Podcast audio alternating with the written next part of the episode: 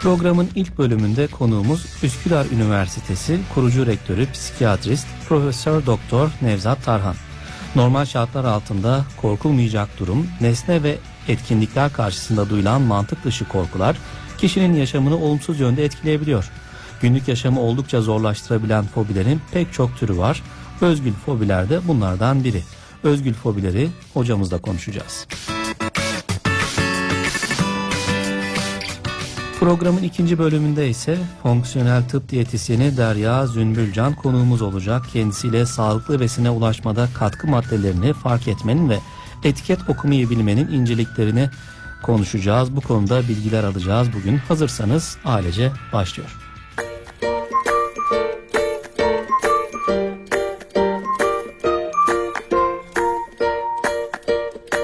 Nevzat Tarhan'la Hayata Dair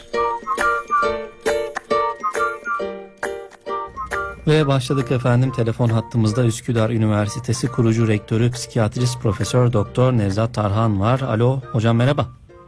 Merhaba, e, iyi yayınlar Çağatay Bey, iyi çalışmalar. Teşekkür ederim. Nasılsınız?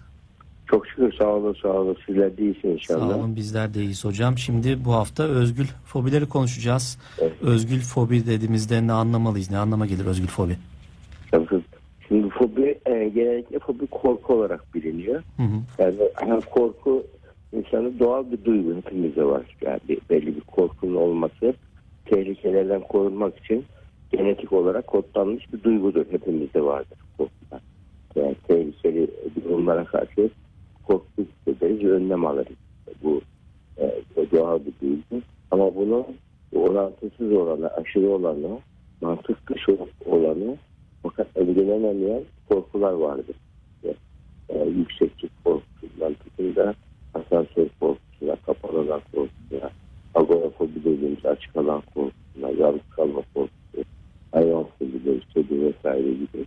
Yani bunlar monofobi gibi genellikle ya da birkaç fobi.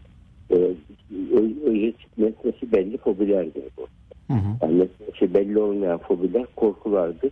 Onlar daha komplike psikiyatrik hastalık. Yani genellikle korkar ama neden korktuğunu bilmez. O ama özgür fobilerde kişi belli bir nesne vardır. Nesnesi belli korkulardır. Yani bu e, o, o kişi de korku yani böyle bir, birazcık bir korku hissetmek e, mesela bir karın örümcekten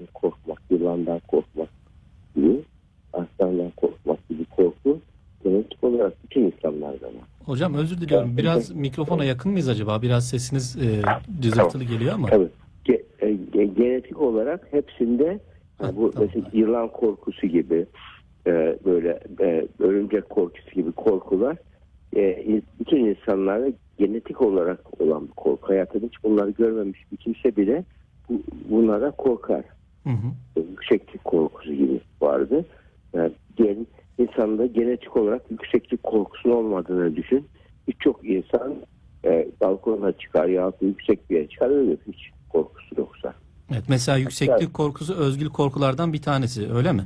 Yani özgür korkusu hani bir korku olur da Hı hı. ama kaçınma derecesinde korku olursa o zaman e, özgür fobi sayılıyor.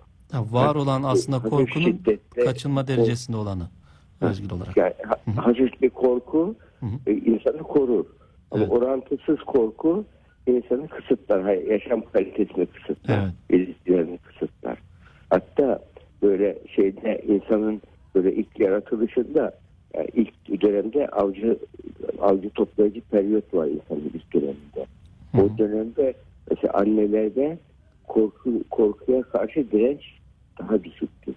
O, o genetik olarak çocukları koruyabilmesi için annelerin de faydalı gereklidir çocuğunu korur. Evet. Eklerde de korkuya direnç daha e, azdır. Yani daha daha ataktırlar. Avcı toplayıcı dönemlerdeki insanın ilk yaratılışındaki o safhalarından birisindeki kalan bu özellik onlar genetik olarak var. Hı hı. Eğer bunlar olmazsa insan e, toplum olamaz, ya- yaşamda kalamaz, yaşayamaz. E, Ama şu anda yaşam kalitesini bozan öcül fobiler e, ortaya çıkıyor. Yani kişinin günlük yaşamını verimsiz hale getiriyor bu korku. Yani korkunun dışında devamlı aklında bu korku oluyor kişinin. Kaygı oluyor, kaçınma oluyor. Artık her şeyde mesela kedi korkusu var. Evet. Kedi var mı diye ilk bir yere gideceği zaman ilk aklına gelen orada kediyle ilgili bir araştırma yapmak. Kedi varsa ne yapacağını düşünmek, onu sorgulamak gibi. Artık o hayatına birinci bir konu haline geliyorsa bu artık fobi haline gelmiştir. Hmm. Peki Fobide başka ne çeşitler var hocam? Mesela kedi korkusunu aşıya o aşırı olması bunlardan biri mesela kar- karanlık korkusu da var mesela açık e, ışıkta uyuyanlar var. Bunlar da Evet. özgül fobiye giriyor herhalde değil mi? İşte özgür fobi de hani bir veya birkaç tane böyle spesifik konularda Nedir? özgür konularda bir korkunun olması. Evet, örümcekten, kuştan, yılandan korkmak gibi korkular var insanda. Tek bir korku varsa mesela monofobi dedi. Hematofobi vardı. Kan. Kan korku. Ben alamam. Ben bayılıyorum. Hı hı. Yani onu bu- çok rahatsız ederiz. Yahut da böyle tıp bir müdahale iğne yapamazsınız. İğne korkusu. Hatta ben hiç unutmam. Böyle orta yaşlarda bir hanımefendi kadın doğumdan ameliyat olmak zorunda ol- oldu. Acilen ameliyata gitti.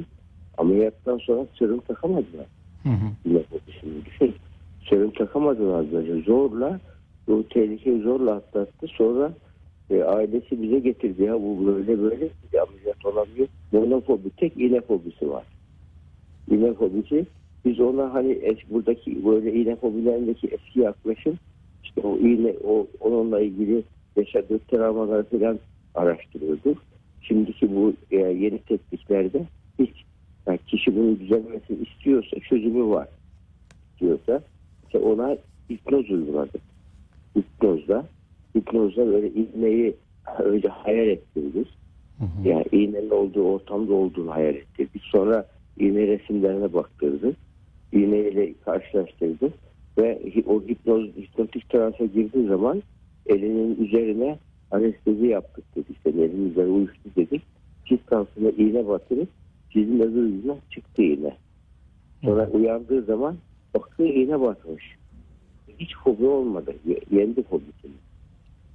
Evet. Yendi yani. İş- Kişi istiyorsa o istem dışı. Yani öyle bakma kafana sen bunu halledersin kendi kendi doktor ol dememek lazım. Ciddi bir durum. Beyin Evet. hatta da alarma geçiyor fobi olduğu zaman. Hocam Mesela- peki mesela bunu bir hastalık olarak görebilir miyiz? Şimdi genellikle bu tek fobiler olduğu zaman mesela kedi fobisi kendini hasta olarak kabul etmiyor. Bu benim şeyim özel bir durum değil. Onu kişi hayatını ona göre düzenliyor. Hı hı. Ama e, kısıtlı hayatı bir yere gidemiyor. İşte evliyse işte ço- çocuklar herkes etkileniyor o fobiden. Ha, istiyorsa düzeltiliyor ama çoğu zaman istemiyorlar. Hı. Monofobi olanlar. İstememe nedir? Neden nedir acaba bunun bir Yani araştırması var? isteme, istememe düzelmeyecek korkusu oluyor. Yani ya düzelmez bu, bu diyor. Ve oradan da bazen ikinci kazançları da oluyor kişi. Fobi nedeniyle bazı işte, e, çocuklar üzerinde, aile üzerinde kontrol da sağlamış oluyor kişi.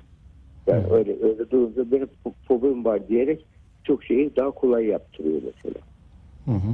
Peki Bu kazançtır. Evet. evet peki mesela bu e, istiyorlar diyelim bu korkudan kurtulmak istiyorlar. Bunu bir hastalık olarak görüyorlar. E, nasıl bir yöntemle kurtuluyorlar bu korkulardan? Tabii. Mesela uçak fobisi var en çok rastlanan. İş adamı uçak fobisi var. Yani değerlerinden buraya arabayla geliyor. Öyle vakalar yani şey, şey yapıyor yani. Perişan oluyor, kurtulmak istiyor. Hı hı. Yani buna biz e, şeyde zaten e, e, Türk Hava Yolları da onunla ilgili şeyler e, sistematik kurdular. E, eskiden böyle, böyle özel uçak yapılıyordu. Şimdi hiç ona lüzum yok. Simülasyon yapılıyor. Hı hı. Hatta bununla ilgili e, sanal gerçeklik kullanarak fobi tedavisi yapıyoruz şu anda bu kuşada. Yani yükseklik fobisi sanal yapılıyor. O virtual re- reality tarzındası. Sanal gözlük takıyor. Sanal gözlükte 3D ben taktım o gözlüğü. Cihazı almadan önce sistemini İspanyollar kurdu. Biz yapmak istedik. Yani yazılımı geliştirmeye çalıştık. Baktık İspanyol'da bir firma yapmış. Çok da şey yani bütün fobileri tek tek yazmışlar. Türkçe çevirdik. Ondan alıyoruz şimdi her fobi için. Yani bir şey alıyoruz. E, e, onay alıp sistem alıp orada e, sanal gözlüğü takıyoruz. E, e, gözlüğünü. Hocam Onu biraz daha uzaklaşsak yine yaklaştık sanırım. Tamam. Yani şeyden yani böyle sanal fobi göz, o gözlüğü takıyoruz. E, VR gözlüğü, virtual reality gözlüğünü. Bu gözlüğü taktığımız zaman kişi o gözlükle baktığı zaman gerçekten böyle kendisini uçurum kenarında görüyor. Üç boyutlu olduğu için o. Müthiş paniğe kapılıyor orada. Yani bıçağa kapılıyor. Daha sonra bunu yapıyor. Gözlüğü çıkarınca bakıyor ki sanal bir müddet bunu yapa yapa yapa yapa e, artık gözlüksüz e, bakmaya başlıyor şeye gözlü. Mesela fare korkusu olan bir hastada şöyle yaptık. Fare korkusu vardı. Hı. Önce fare resimleri koyduk odasına. Hastanedeydi. Fare çok rahatsız oldu fare resimleri ama gerçek olmadığını bildiği için de hani bir şeyi tolere etti onu. Hı. Daha sonra fareyi kavanoza koyup odasına koyduk. Ondan sonra gene baka baka baka duyarsızlaştı ve artık diğer insanlar hani fare gördüğü zaman ne yapıyorsa hani elini al, alacak kadar e, gerek yok zaten. Yani hiç öyle aşırı bir reaksiyona girmemeyi duyarsızlaşma yöntemi kullanılıyor. Hı hı. Duyarsızlaşma. Hayır, onu çünkü o kafasında onu o korkuyu böyle şey yaptığı için yazdığı için onu irrasyonel bir korku. Rasyonelliğe yaklaştırıp yaptığınız zaman kişi yüzleşiyor. Yüzleştikçe korku onun eline geçiyor. Öbür türlü ko- korku o kişiyi kontrol ediyor. Ya bazı insanlar var hayatında böyle gerçekler değil de korkularla hareket edenler. Yani mesela bir yere gider niye? Ya oradan köpek çıkarsın. Gidemez. Ya hayatında birçok yapacağı işi asansör mesela 10 kata var. Çık- çıkamaz asansöre. Bir aksar. Yani böyle insan hayatını çok kısıtlıyor bu korkular. Evet. Ya bu nedenle o korkularla kişi düzenlemek isterse o korkularla gel, e, işte sosyal fobilerde de vardı mesela korkularda kalabalığa topluma girmekten korkarlar kaçınırlar önce daha sonra o korku nedeniyle kişi yani, yani bir toplumun içine çıkıp da benim fikrim budur diyemez parmağını kaldıramaz soru sormaz. Bu, kişi ne yapıyor? Sosyal hayatını kısıtlıyor ve terfi edecek. Her, şey yolunda gidiyor. Terfi ediyor. Terfi edince artık müdür olacak. Toplum içinde konuşmaya başlayacak. Bu sefer müthiş fobi başladı değil uzmana geliyor bize. Ve biz ona çalış şey terapilerde çalıştırıyoruz. Bazı durumlarda tabii beyin kimyasıyla bozulduysa ilaç da gerekiyor. O kişilere artık beyin hatalı alarm veriyor böyle. Savaş tepkisi veriyor beyin. Onun için böyle ağır olmayan ilaçlar var günlük yaşantıyı bozan. Onunla birlikte terapi yapılıyor ve kişi isterse düzeliyor. Yani fobiler kişi isterse hiç çözümü var. Yani çözümü olmayan hele özgür fobiler bizim en başarılı olduğumuz e, fobi tedavisinde en başarılı olduğumuz korkulardır böyle. Yani şey, e, spesifik özgür yani belli meselesi belli fobilerdir. E, toplumda da aslında yaygın. Amerika'da her şey istatistik yapıyorlar ya. E, Amerika'da yıllık yüzde sekiz onda yedi. Yani bir yılda e, yüz, neredeyse yüz kişiden onun da fobi çıkıyor. Yani bu ciddi bir rakam. Kadınlar da erkeklere göre iki daha fazla oluyor. Bu da kadınların e, korkuya karşı daha duyarlı olmaları. Hatta ben hiç unutmam. Böyle bir fobisi olan bir hanımefendi geldi. Eşi getirdi. Yani eğitimli insanlardı. İşte korkularını sayıyor. Şundan korkuyor, şundan korkuyor. En sonunda eşi dayanamadı. Dedi ki ya doktor bey benden başka her şeyden korkuyor. dedi. Yani böyle korku bazen şey oluyor. Yani kişide hayatını çok kısıtlıyor.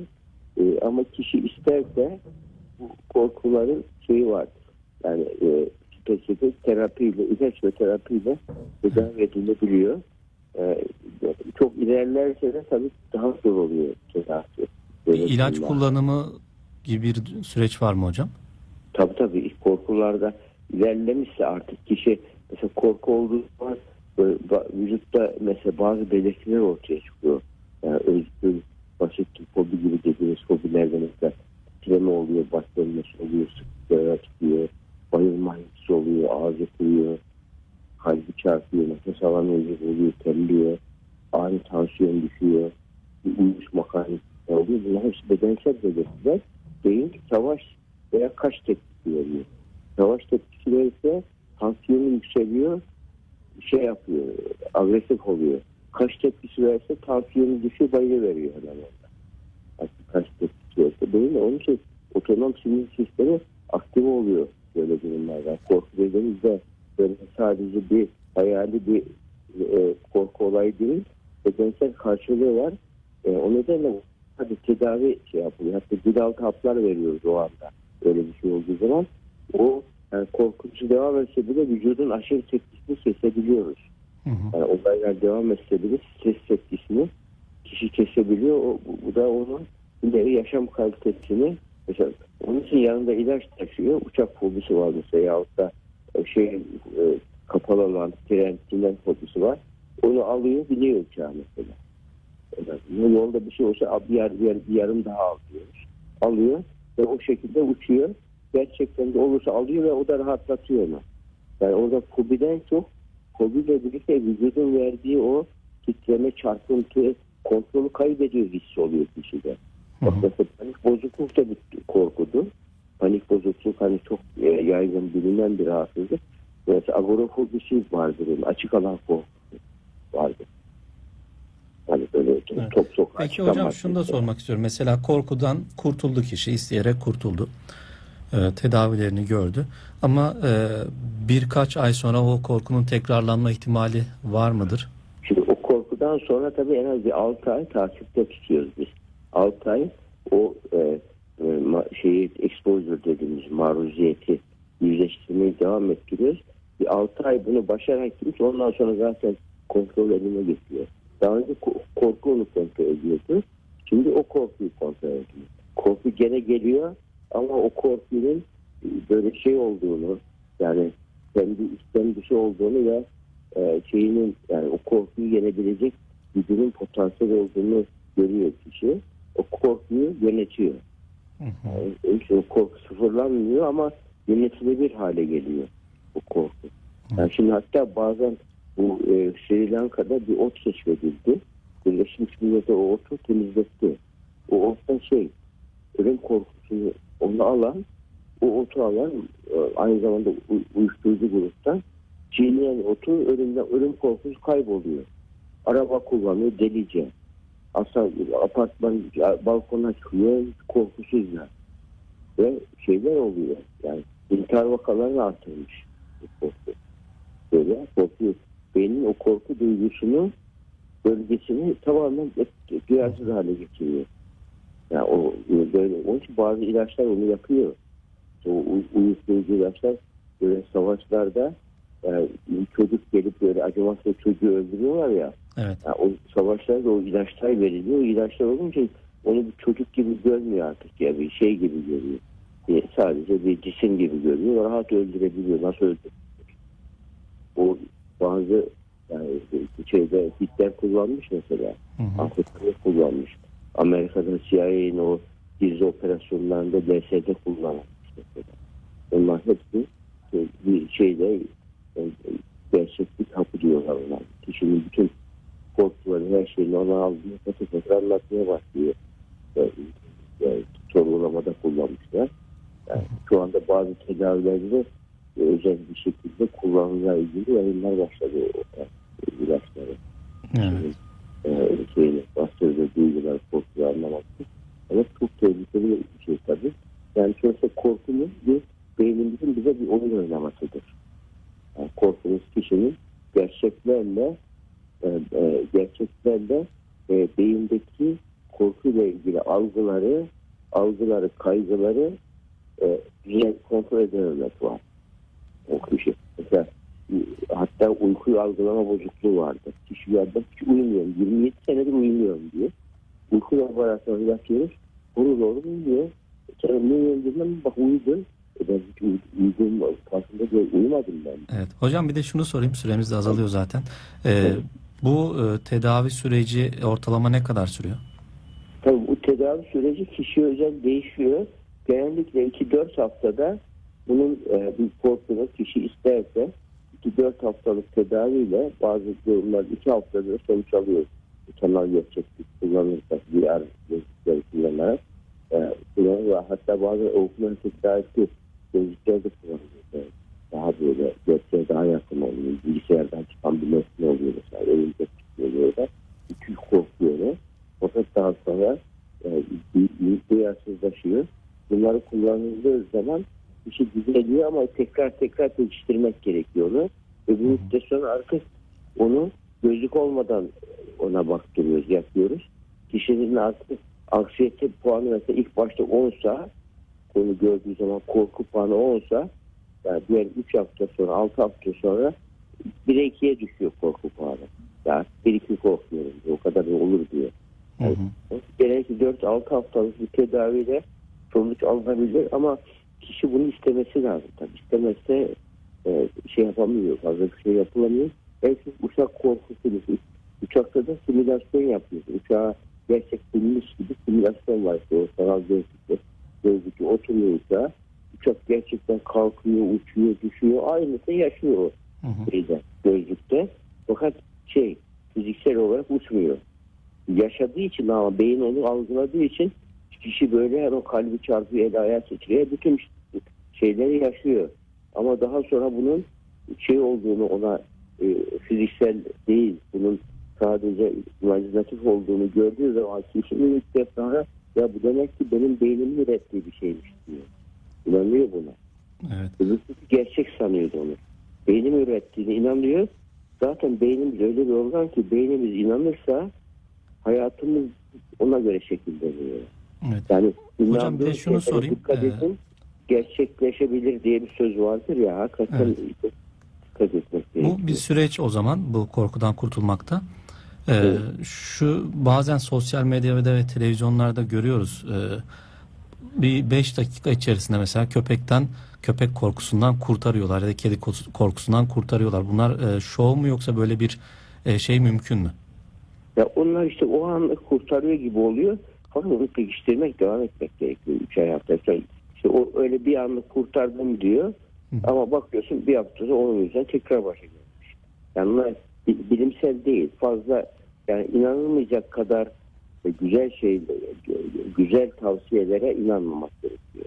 Onlar Evet. maalesef bir şey, ço- çoğu böyle şey yani insanları e, e, böyle e, çarpıcı olarak Biraz e, yanlış yönlendirme var yani. Hı hı. Yani bunun bilimsel metodolojisi var, tanısı var. E, ona göre yapmak gerekir. Yani o gibi şeylere pazarlama tekniklerine hemen inanmamak gerekiyor. Yani pazar, o, çok, yani insan böyle kolay şeylere inanmaya da hazır her zaman insan vardır yani. Evet. Evet. Hocam teşekkür ediyoruz. Eklemek istediğiniz var mı? Estağfurullah. Yok estağfurullah. E, iyi yayınlar, iyi çalışmalar. diliyorum. Teşekkürler. E, Size de iyi günler diliyoruz. Değerli dinleyiciler, özgül fobileri konuştuk. Üsküdar Üniversitesi kurucu rektörü, psikiyatrist Profesör Doktor Nevzat Tarhan telefon attığımızdaydı. Kendisine teşekkür ediyoruz.